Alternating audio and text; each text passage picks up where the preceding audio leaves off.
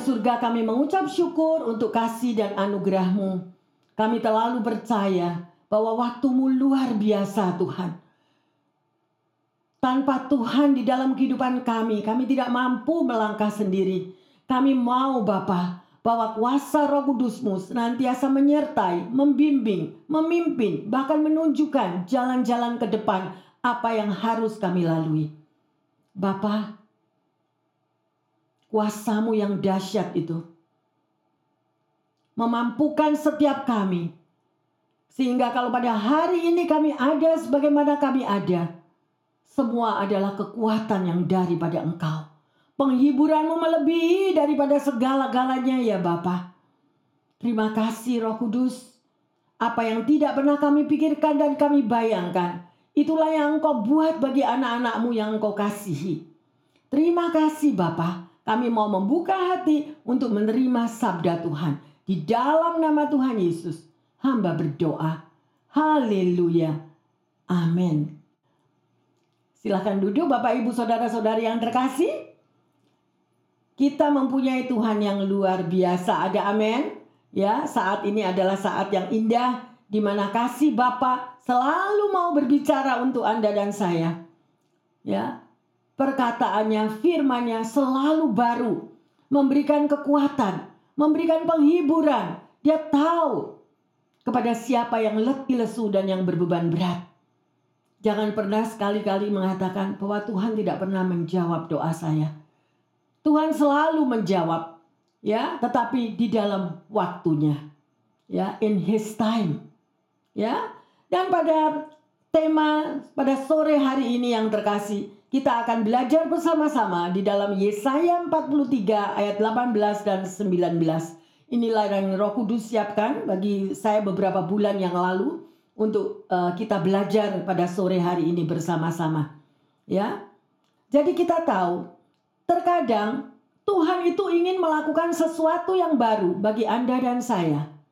Tuhan mau memberikan sesuatu ya yang tidak pernah Anda bayangkan, yang tidak pernah kita pikirkan. Tetapi kadang-kadang kita itu tidak mengerti. Dan kita mau adalah mauku. Me, I, mine. Jadi tanpa kita sadari kita yang mengatur Tuhan. Tetapi Tuhan selalu mau memberikan kejutan. Dan Tuhan kita adalah Tuhan yang luar biasa. Kalau pada sore hari ini kita berada di sini, kita boleh berkumpul mendengar firman Tuhan. Pasti Tuhan ada sesuatu yang baru. Amin. Siapa yang merindukan sesuatu yang baru? Ayo kita awali, bukan cuma di tahun yang baru ya, yang terkasih. Tuhan sanggup memberikan kepada Anda semuanya jawaban-jawaban doa yang terbaru, pekerjaan-pekerjaan yang baru, masa depan yang baru, semuanya indah gilang gemilang kalau kita mau melekat kepadanya. Haleluya, luar biasa Tuhan kita. Ya, dia sekali lagi Tuhan bekerja di luar jangkauan pikiran kita. Ya, ayo kita baca bersama-sama. Yesaya 43 ayat 18 dan 19.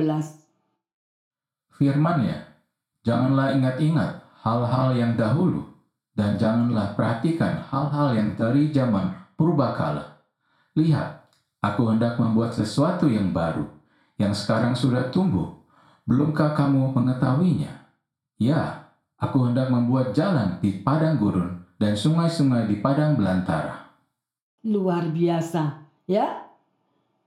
Kalau Anda membaca ayat ini dan kita imani, ini adalah suatu perbuatan yang hanya Tuhan mampukan berikan bagi hidup Anda dan saya. Ada amin? Dia akan membuat jalan-jalan di padang belantara. Tidak mungkin secara kekuatan daging kita manusia kita mau membuat hal-hal yang sedemikian. Tetapi Anda adalah biji mata Tuhan Bapak, Ibu, Saudara-saudari yang terkasih, pendengar yang setia di mana pun Anda berada. Mungkin engkau lagi di kamar, maybe engkau lagi berperang, bergelut dengan sesuatu masalah yang belum mendapatkan jalan keluar. Percayalah, imanilah firman ini. Ya dan amin. Ya, sedemikian rupa. Percayalah bahwa anak-anak Tuhan yang setia kepadanya selalu hidup dalam mujizat. Mungkin ada di antara Anda yang mengatakan, Bu Pendeta, saya nggak pernah mengalami mujizat. Saya nggak pernah mengalami sesuatu yang baru. Ya, Ayo, kita baca ini, kita imani dan rekam di dalam hatimu. Percayalah bahwa kita semua adalah biji mata Tuhan. Kalau Anda pencinta daripada firman Tuhan, Anda setia untuk membaca firman-Nya, Anda akan tahu janji-janji Tuhan. Di mana dia selalu menyerahkan tangannya yang berlubang paku untuk saudara dan saya. Setiap hari. Dia mau membuat sesuatu yang baru, yang tidak pernah kita pikirkan, yang tidak pernah kita bayangkan yang terkasih. Tetapi adakah kita percaya? perbuatan Tuhan kita adalah sangat amat luar biasa. Ya, sedemikian rupa. Ya, oleh karena itu, taruh di dalam hatimu dan imani, mengucap syukur karena mujizat Tuhan selalu ada. Kalau Anda mampu membawa jalan keluar atau menjawab persoalan yang Anda hadapi sendiri, itu bukan mujizat ya. Tetapi kalau itu sesuatu yang Anda tidak mampu melakukannya dan Anda tahu bahwa di hadapanmu itu ada laut teberau, di belakangmu ada musuhmu yang mengejar engkau. Seperti perjalanan daripada Musa untuk menyeberang laut teberau. Itu hanyalah karya Bapa kita yang luar biasa. Amin. Oleh karena itu yang terkasih, sekali lagi, ayo kita melekat kepada Tuhan. Dia mendengar tangisanmu. Dia mendengar ceritamu. Dan dia akan memberikan apa yang tidak pernah kita pikirkan, apa yang tidak pernah kita bayangkan. Tuhan sediakan di hadapan kita. Peluklah dia di saat engkau merasa seorang diri. Tiaraplah di bawah kakinya, karena dialah satu-satunya yang mampu memberikan sesuatu yang baru di dalam hidup Anda dan saya. Percayalah, Dia ada dan hidup dan mendengar segala doa-doa kita. Luar biasa. Dan di sini kita bisa melihat yang terkasih dan mengatakan, "Jangan ingat-ingat apa yang pernah terjadi di belakangmu." Saya tidak tahu apa yang terjadi di belakang Anda. Ya, tetapi apa yang tahu dan yang saya pernah alami. Maybe di belakang masa lampau yang penuh dengan padang belantara, penuh dengan hal-hal yang menyakitkan, penuh dengan hal-hal yang mengecewakan. Tidak ada manusia yang mampu memberikan jaminan di dalam hidupmu dan hidupku selain Bapa kita di surga. Ya, dia akan membuat sesuatu yang baru yang sekarang sedang tumbuh yang terkasih. Sedang tumbuh. Rekam di dalam hatimu Ucapkanlah hal-hal yang positif. Jangan kita justru memakai perkataan-perkataan yang negatif. Itu yang justru menutup daripada segala berkat yang Tuhan mau berikan. Ya, luar biasa. Di sini kita bisa melihat ya, apa yang saudara pernah alami. Lupakan semua yang ada di belakang. Sakit hati, kekecewaan, air mata, maybe satu kehancuran. Justru di dalam kehancuran di dalam hidupmu, Tuhan memberikan sesuatu yang baru. Alamilah. Alamilah perjalanan hidupmu bersama Tuhan. Kalau Anda tidak pernah mengalami, kalau Anda tidak memiliki hubungan pribadi dengan Tuhan, engkau tidak akan pernah mau mengalami. Dia hadir di dalam doamu, dia hadir di dalam tangisanmu, dia hadir di dalam kamarmu. Sungguh Tuhan kita sangat mengasihi setiap umat yang mengasihi dia. Haleluya, luar biasa. Sekali lagi saya mau menghimbau, lupakanlah apa yang ada di belakangmu. Raihlah hari depanmu. Jangan membawa segala beban yang dari belakang ini maju ada di hadapanmu. Justru itulah yang menutup segala berkat-berkat kita. Ya, karena apa yang terjadi di belakang itu sudah lewat yang terkasih. Sudah lewat. Amin. Ya, dan Tuhan akan melawat. Dia akan memberikan perkara-perkara yang besar yang tidak pernah Anda bayangkan, yang tidak pernah kita pikirkan. Itulah Tuhan kita. Luar biasa kasihnya. Orang yang terikat dengan masa yang lalu tidak akan pernah maju.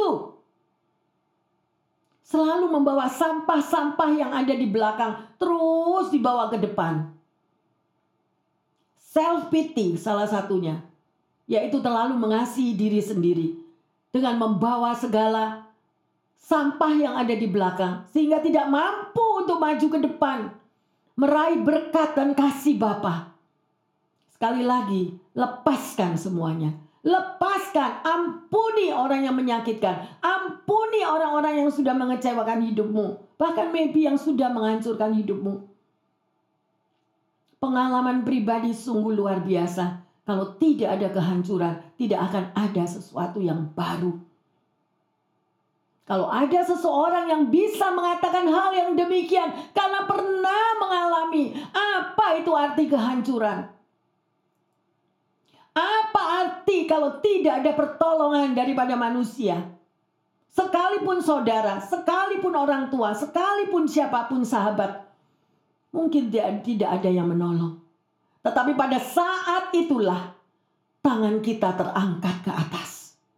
Dan percaya, beriman bahwa ada satu penolong yang mampu merubah hidupmu dan hidupku. Itulah pengalaman pribadi. Dan kalau orang sudah mengalami satu kehancuran dan mengalami hidupnya diubahkan dengan luar biasa oleh Tuhan, dia tidak akan dapat meninggalkan Tuhan. Tidak, sekali-kali pun tidak. Mari yang terkasih, masih ada waktu di hadapanmu. Tuhan mau memberikan sesuatu yang baru. Ya, lewat semua yang sudah di belakang, lewati semuanya. Ayo, Berlomba-lomba kita. Berlomba-lomba mengasihi Tuhan. Membaca firmannya. Bersaat teduh dengan dia. Memiliki hubungan pribadi dengan dia. Sehingga manusia rohani kita ditingkatkan. Manusia rohani kita dikuatkan. Sehingga Anda tidak lagi pernah mau berharap kepada manusia. Firmannya mengatakan, apabila kita berharap kepada manusia, kita akan kecewa. Tetapi kalau kita hanya berharap kepada Sang Penebus Juru Selamat kita, Anda akan dipuaskan. Setiap hari kita dipuaskan. Maybe saat ini engkau lagi berada di padang gurun. Mungkin pada saat ini engkau merasakan bahwa tidak ada jalan keluar dari masa lalu. Percayalah, Firman Tuhan ini Tuhan berikan dengan urapan beberapa bulan yang lalu kepada saya dan saya tidak tahu kalau hari ini saya harus mengotbahkan ini. Tuhan akan membuat sesuatu yang baru. Yang tidak pernah kita bayangkan dan kita pikirkan. New beginning yang terkasih. Ada amin? Bukan cuma tahun baru yang terkasih. Setiap hari itu adalah hari yang baru. Oleh karena itu apakah Anda bersyukur pada waktu Anda bangun pagi, Tuhan terima kasih ini adalah hari yang baru. Aku percaya berkat yang baru engkau sediakan bagiku pada hari ini. Dan aku sanggup akan mengakhiri hingga nanti tidur malam bersama kuasa roh kudusmu. Mampu nggak kita bersyukur demikian? Atau kita cuma ngomel, ngomel gosip satu dengan yang lain. Kecewa, perkataan yang negatif. Ayo tinggalkan semuanya itu yang terkasih. Ada amin? Ya, sungguh luar biasa. Ada satu cerita. Pada tahun 1991, seorang gitaris yang terkenal dari Inggris bernama Eric Clapton, dia sangat berduka karena pada waktu putranya meninggal dunia yang berusia 4 tahun. Dan di dalam keadaan dia sangat berduka cita, Clapton menulis syair lagu dengan nada kesedihan yang mendalam Tears in Heaven. Sedemikian rupa, tampaknya setiap nada di dalam lagu itu mengandung kepedihan dan kekecewaan karena dia kehilangan satu-satu anak yang dimilikinya.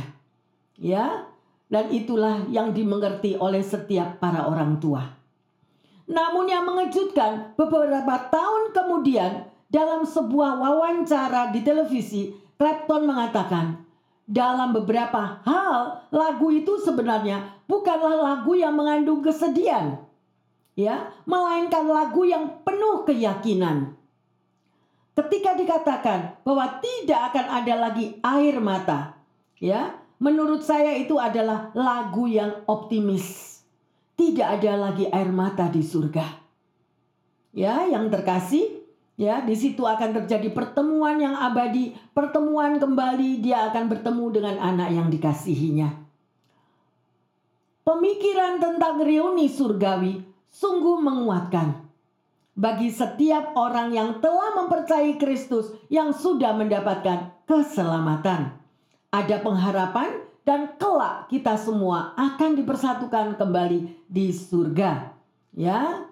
Dan di dalam firman Tuhan saudara juga bisa membaca, iya, iya Yesus akan menghapus segala air mata dari mata kita dan maut tidak akan ada lagi.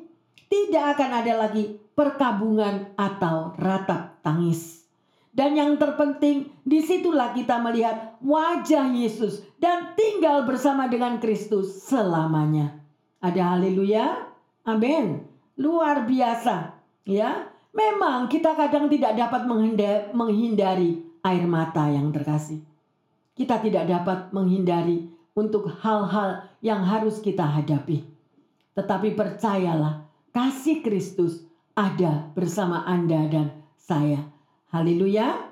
Ya, ayo kita belajar bersama-sama. Bapak, Ibu, saudara-saudari yang terkasih, bagaimana kita dapat meraih sesuatu yang baru di dalam hidup kita?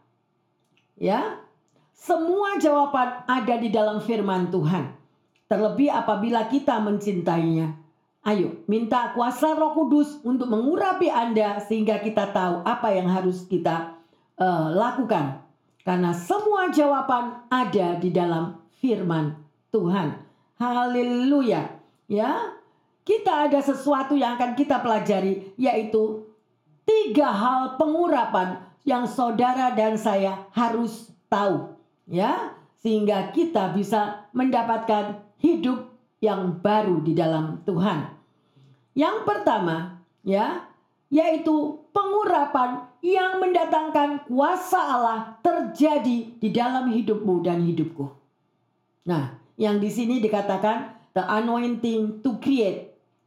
Ya, jadi ada urapan yang luar biasa, pengurapan untuk menciptakan. Dan itu kita akan pelajari bersama-sama bahwa di dalam bibir mulut saudara dan saya ada kuasa untuk menciptakan. Tetapi adakah kita mau memakai kuasa perkataan kita yang terkasih? Ya. Yang kedua, pengurapan untuk kita bisa menguasai. Nah, apa itu yang di dalam bahasa Inggris dikatakan the anointing for domination. Ya, jadi Tuhan mengizinkan Anda dan saya untuk dapat menguasai, memiliki sedemikian rupa. Artinya kuasa dari surga, dari tempat yang maha tinggi ya, yang diberikan untuk saudara dan saya di dalam menghadapi keadaan-keadaan yang di dunia ini. Ya, kita harus tahu akan hal itu. Ya, jadi bukan kita menguasai karena aku seorang pejabat atau aku seorang yang miliarder, aku bisa membeli orang lain, aku bisa menguasai orang lain, bukan itu. Ya, tetapi ini kuasa dari yang maha tinggi, yaitu kuasa daripada Tuhan Yesus. Yang ketiga, pengurapan yang membuat saudara dan saya menerima mujizat. Ya, kita sebutkan dalam bahasa Inggris the anointed for creative miracle. Ya, artinya yang terkasih mujizat yang tidak pernah saudara dan saya bayangkan itu dapat terjadi. Kalau Anda merindukan sesuatu, Anda lagi menunggu jawaban-jawaban doa yang belum terjadi, tetapi dengan kuasa daripada Tuhan, ya, Dia memberikan mujizatnya di dalam hidup Anda dan saya. Ayo kita pelajari bersama-sama. Yang pertama, the anointing to create, pengurapan atau kuasa untuk mencipta. Kita pelajari di dalam kalau saudara di rumah baca sendiri kejadian 1 ayat 1 dikatakan bahwa pada mulanya Allah menciptakan langit dan bumi. Ya, pada waktu penciptaan, di situ Tuhan itu berbicara. Dan kalau Anda membaca dikatakan, jadilah terang, maka terang itu jadi. Ya, jadilah binatang-binatang, um, maka binatang-binatang itu terjadi. Ya, jadi di sinilah kita melihat dikatakan Allah berfirman dan Allah itu apa pun yang dia katakan semuanya terjadi. Ya, dan melalui ajuan yang di sini saya mau melengkapi di dalam Yeremia 29 ayat yang ke-11. Tolong dibaca. Sebab aku ini mengetahui rancangan-rancangan apa yang ada padaku mengenai kamu. Demikianlah firman Tuhan, yaitu rancangan damai sejahtera dan bukan rancangan kecelakaan untuk memberikan kepadamu hari depan yang penuh harapan. Amin. Keep firman Tuhan ini yang terkasih. Ya, karena Tuhan itu tahu sebab aku tahu mengenai kamu. Ya, yang ada padaku mengenai kamu, mengenai setiap pribadi Tuhan itu tahu. Ya, bukan rancangan kecelakaan tapi rancangan hari depan yang gilang gemilang. Tetapi bagaimana kalau saudara itu bisa untuk menciptakan, untuk menerima apa yang kuasa yang seperti Tuhan ucapkan melalui perkataannya saya mau berikan dan saya udah mengalami berkali-kali yaitu kuasa perkataan. Apabila ada yang sakit di rumah, apabila Anda menunggu jawaban pekerjaan, apabila Anda menunggu sesuatu jawaban doa, katakanlah dengan kata-kata yang positif.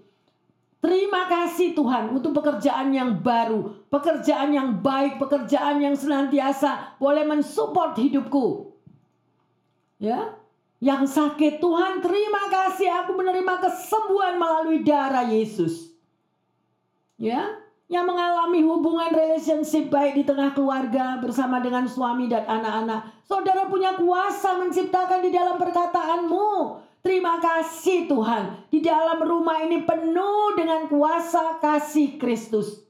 Sehingga yang ada di dalam keluargaku hanya kasih Bapa ya yang mengalir di tengah keluarga, mengalir di dalam diri anak-anakku, mengalir di dalam diri suamiku.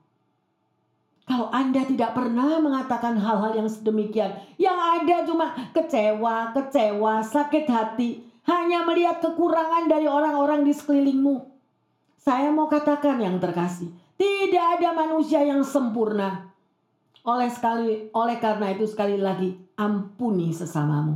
Tidak mudah memang, tidak mudah dan kadang kita berperang sendiri di dalam hati.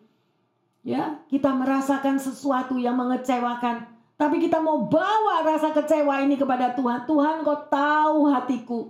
Terima kasih Tuhan, Kau beri aku kekuatan ekstra. Terima kasih untuk urapan yang baru. Terima kasih untuk jalan keluar. Terima kasih kau perbaiki finansial hidupku. Terima kasih masa depanku gilang gemilang bersamamu.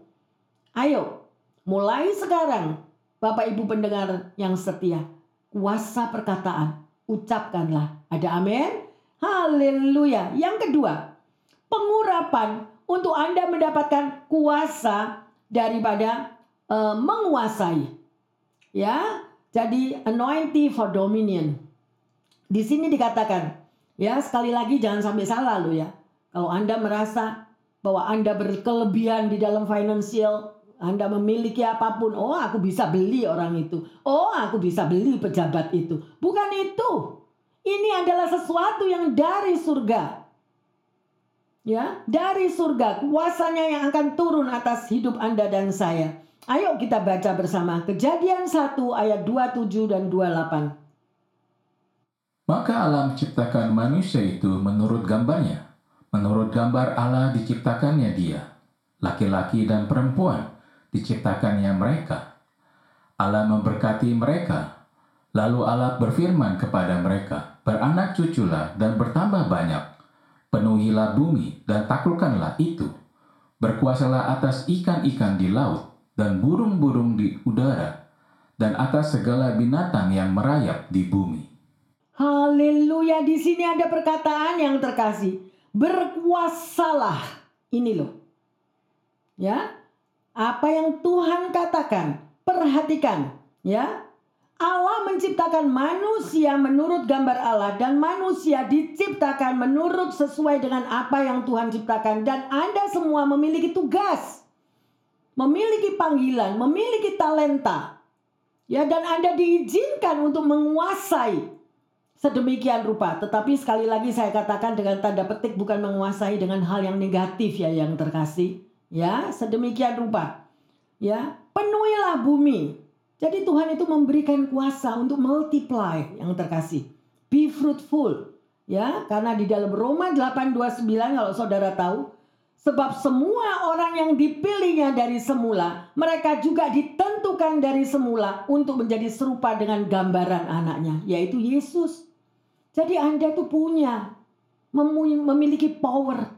Power Anda bisa membuat satu um, mujizat di dalam perkataanmu. Anda juga diberi kesempatan untuk menguasai apa yang boleh Anda uh, mau miliki. Seperti dikatakan melalui binatang-binatang, ikan-ikan di laut, burung-burung di udara. Sedemikian rupa. Dan yang ketiga, ya, pengurapan yang membuat mujizat terjadi. Yohanes 15 ayat 16. Bukan kamu yang memilih aku, tetapi akulah yang memilih kamu. Dan aku telah menetapkan kamu, supaya kamu pergi dan menghasilkan buah, dan buahmu itu tetap. Supaya apa yang kamu minta kepada Bapa dalam namaku, diberikannya kepadamu. Amin. Apakah kita pernah mengaminkan ini? Apa yang kamu minta di dalam Bapa? ya dalam namaku diberikannya kepadamu. Jadi kita mesti minta yang terkasih. Mintanya itu di dalam pengucapan syukur. Terima kasih Tuhan. Engkau sudah berikan pekerjaan yang baik. Terima kasih Tuhan. Engkau sudah buka jalan Tuhan. Terima kasih untuk apa yang Engkau sudah tentukan di dalam hidupku. Kalau Tuhan yang menentukan, semuanya pasti baik. Ada amin? Jangan mi, mauku Tuhan. Me, I, mine. Aku yang mau. Aku yang ini. Aku. Eh, jadi bukan lagi Tuhan yang bekerja di dalam hidup kita. Tetapi kita yang menentukan jalan hidup kita sendiri. Itu salah. Dan akhirnya kita kecewa. Ya, ayo rendahkanlah diri kita di bawah kaki Tuhan. Surrender.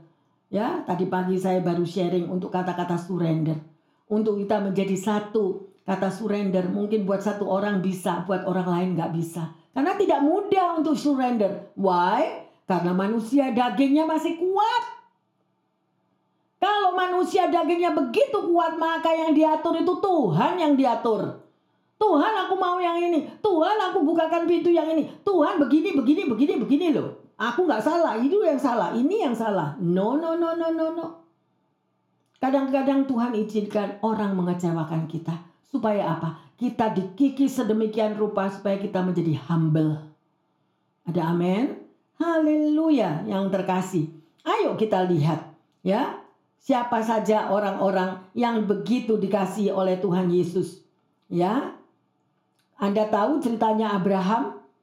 Bagaimana Abraham di dalam hidupnya? Abraham juga mengalami hal-hal yang sedemikian rupa. Dia dipakai sebagai bapa yang beriman. Dia memiliki iman. Bayangkan dalam usia yang sudah 100 tahun dia baru punya anak. Ya. Dan sedemikian rupa Tuhan mengatakan, lihatlah keturunanmu tuh seperti bintang-bintang di langit. Mungkin Anda pendengar yang setia di di sini. Anda begitu merindukan baby. Kemudian Anda hamba Tuhan, nanti keturunanmu seperti bintang di langit. Kira-kira orangnya percaya apa enggak ya? Belum tentu kita percaya. Ya, sedemikian rupa. Tetapi Abraham dipanggil dan dipilih sebagai bapak orang yang beriman. Adakah saudara dan saya memiliki iman seperti Abraham? Amin. Yang kedua, kita bisa lihat Kejadian 26 ayat 2 dan 3. Lalu Tuhan menampakkan diri kepadanya serta berfirman, Janganlah pergi ke Mesir, diamlah di negeri yang akan kukatakan kepadamu tinggallah di negeri ini sebagai orang asing, maka aku akan menyertai engkau dan memberkati engkau, sebab kepadamu lah dan kepada keturunanmu akan kuberikan seluruh negeri ini. Dan aku akan menapati sumpah yang telah kuikarkan kepada Abraham, ayahmu. Perkataan ini dikatakan kepada Ishak yang terkasih. Ya, sedemikian rupa pada masa kelaparan Tuhan berkata kepada Ishak, supaya dia jangan pergi ke Mesir, ya, tetapi pergi ke tempat yang Tuhan mau. Bagaimana Anda dan saya? Apakah kita taat seperti Ishak ataukah kita menuruti seperti Yunus? Anda tahu kan Yunus disuruh pergi ke kanan, dia malah pergi ke kiri dan akhirnya apa? Dia bayar harga. Oleh karena itu banyak sekali ya kehidupan daripada anak-anak Tuhan yang harus mengalami proses. Why? Karena nggak mau taat, nggak bisa surrender, nggak mau nurut sama Tuhan. Maunya sekali lagi mungkin Anda bosen dengernya kalau saya katakan. Maunya cuma me, I, mine. Jadi yang nggak sampai-sampai jalannya. Ya, sedemikian rupa yang terkasih. Ayo, siapa yang ketiga contohnya? Jacob. Apa yang Yakub lakukan? Yakub itu mantunya siapa? Ayo. Laban. Siapa yang mau dapat mertua seperti Laban? Doa ya yang punya anak jangan punya besan seperti Laban. Haleluya. Ya sedemikian rupa itu Laban itu pinternya luar biasa licik bukan pinter-pinter yang positif ini pinter yang negatif. Ya sedemikian rupa dan dia pada waktu itu tidak pernah dibayar kerja sama Laban. Dan si Yakub minta dong bagianku mana. Dan akhirnya satu hari dia ngomong sama mertuanya, aku minta digaji. Tapi gajinya yang mana? Oke, nanti kalau kambing-kambing ini punya anak, domba-domba itu punya anak, yang belang-belang punya kuda. Yang putih ambilin kamu, kan gitu. Yang putih buat si Laban, yang belang-belang buat si Yakub. Dan si Laban mikir, goblok amat si Yakub ini. Mana ada kambing belang-belang sedemikian, ya? Tetapi itulah yang Tuhan jawab. Ketidakmustahilan jadi pada waktu ya kambing domba itu berkelamin dia taruh di tempat minumnya itu dahan-dahan yang sedemikian rupa dan pada waktu mereka berkelamin itu babynya semuanya keluar jadi belang-belang ya jadi kami-kami itu belang-belang dan akhirnya semua itu adalah miliknya siapa? Jacob. Nah, jadi anak Tuhan selalu melibatkan Tuhan di dalam segala keputusan. Kalau pikiran kita sendiri bisa salah. Tapi kalau pikiran Tuhan yang mengurapi, yang berbicara memberikan hikmatnya, hidup Anda dan saya pasti dituntun dan pasti diberkati. Haleluya. Amin. Luar biasa yang terkasih ya. Hari ini kita sudah belajar bagaimana Anda dan saya mampu untuk dapat hidup mengalami sesuatu yang baru. Saatnya kita bangun, saatnya kita bangkit. Nggak mau Hidup yang penuh dengan segala kekecewaan, sampah-sampah dipikir terus. Puluhan tahun, 20 tahun, 30 tahun sampah tidak dapat mengampuni terus melekat. Gak mau. Ambil satu tindakan, ambil satu keputusan pada sore hari ini. Aku mau berubah. Aku percaya Tuhan saatnya mengubah hidupku, mengubah pelayananku, mengubah anak-anakku, mengubah pekerjaanku. Ada amin yang terkasih? Ayo ya, kita udah belajar dan resapi firman yang sudah kita terima sebagai uh, pertanyaannya saya mau katakan, saya mau tanya. Apakah kita menyadari bahwa Tuhan memiliki rencana yang lebih besar dari keadaan Anda saat ini? Rancangan Tuhan itu lebih besar. Jadi mungkin kalau Anda stop di dalam pekerjaan, jangan kecewa, jangan nyesel. Ada sesuatu yang lebih besar, yang lebih bagus Tuhan sediakan. Ada amin? Haleluya. Ya, seberapa besar keyakinan Anda? Percaya enggak akan jadi Tuhan? Ya, yang kedua, apakah saudara ready untuk melakukan sesuatu babak yang baru di dalam kehidupanmu? Kalau Tuhan nanti kasih sesuatu yang baru, maybe kelihatannya lebih berat, tapi itu sesuatu yang begitu luar biasa berkatnya. Mau nggak kita terima? Ya. Dan yang ketiga, Menurut kita, mengapa Tuhan ingin saudara dan saya memulai sesuatu yang baru di dalam hidupmu? Kenapa? Ya. Dan sebagai ayat emas, ayo kita baca bersama-sama Keluaran 33 ayat 13. Maka sekarang, jika aku kiranya mendapat kasih karunia di hadapanmu, beritahukanlah kiranya jalanmu kepadaku, sehingga aku mengenal engkau, supaya aku tetap mendapat kasih karunia di hadapanmu. Ingatlah bahwa bangsa ini umatmu. Amin. Imani yang terkasih, imani ya bahwa saudara dan saya ini adalah umat Tuhan. Pasti ada sesuatu yang baru. Pasti Tuhan mau membuat ya, jangan kita sudah merasa comfortable place. Comfortable place gak mau diganti sama Tuhan. Ya, Tuhan mau memberikan sesuatu yang baru nggak mau dan kita marah, kita berontak. No, rancangan Tuhan itu luar biasa, bukan rancangan kecelakaan, tetapi rancangan hari depan yang gilang gemilang. Haleluya. Terima kasih Bapak. Terima kasih Bapak, kami menyembah Tuhan yang hidup. Tuhan yang luar biasa. Mungkin banyak orang yang tidak mengerti bahwa Engkau hidup ya Bapak. Tetapi biarlah mereka semua boleh mengalami dengan pengalaman pribadi mereka akan tahu bahwa tidak ada yang sia-sia di dalam kitab datang dan memuji menyembah Tuhan, berdoa kepadamu Bapak. Karena rancanganmu sungguh luar biasa. Tidak ada doa yang kau lewati. Tidak ada ya Tuhan perhatianmu yang sedikit pun engkau tinggalkan umatmu. Yang berseru-seru kepadamu siang dan malam. Terima kasih Bapak. Firmanmu ya dan amin. Apa yang tidak pernah kami pikirkan, yang tidak pernah kami bayangkan. Itulah yang kau sediakan bagi orang yang mengasihimu Tuhan. Biarlah melalui firman ini Bapak. Sesuatu yang baru engkau berikan kepada para pendengar. Di mana pun mereka berada Tuhan. Engkau melihat hati-hati mereka yang hancur. Engkau melihat semua mungkin ada yang berputus asa pada saat ini karena merindukan sesuatu yang baru, merindukan satu mujizat, merindukan satu jawaban yang belum terjadi. Tapi saat ini Tuhan, waktumu engkau restorasi, waktumu engkau menjawab umatmu, waktumu mujizat terjadi. Terima kasih Bapak, terima kasih. Hamba berdoa bagi mereka Tuhan yang lagi mengalami sakit penyakit, yang lagi mengalami kesulitan finansial, yang lagi mengalami Tuhan apa saja yang belum terjawab dalam hidup mereka. Biarlah firman ini memberikan kekuatan iman, mengubah hati mereka.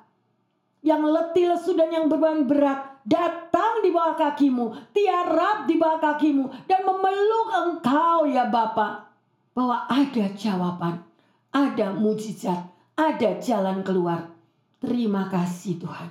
Terima kasih untuk firman-Mu. Sesuatu yang baru terjadi bagi kami semua pendengar yang dikasih oleh Tuhan Yesus dan juga jemaat dan bagi seluruh gereja BCF ini. Sesuatu yang kau sudah sediakan di hadapan mata kami. Selama ini kami tidak tahu. Tetapi Tuhan yang menyediakan dari yang tidak ada menjadi ada. Engkaulah Jehovah Jireh. Jehovah Nisi. Jehovah Mas. Terima kasih Bapak. Di dalam nama Tuhan Yesus, hamba berdoa dan mengucap syukur. Yang percaya dan sudah merasakan hadirat Allah merestorasi baik pikiran, tubuh, jiwa, rohnya. Mengatakan amin, amin, amin, amin. Bapak, ibu, saudara-saudari yang terkasih, sungguh luar biasa. Kita boleh dihiburkan, kita boleh dikuatkan. Sesuatu yang baru mulai terjadi di dalam diri kita, di dalam hati kita, di dalam pikiran kita. Ayo, ya, kita bersiap-siap sedia membuka hati, menerima sesuatu yang baru, yang luar biasa, yang Tuhan berikan di dalam hidupmu dan hidupku. Yang percaya mengatakan, Amin, amin, amin. Tuhan Yesus memberkati semuanya.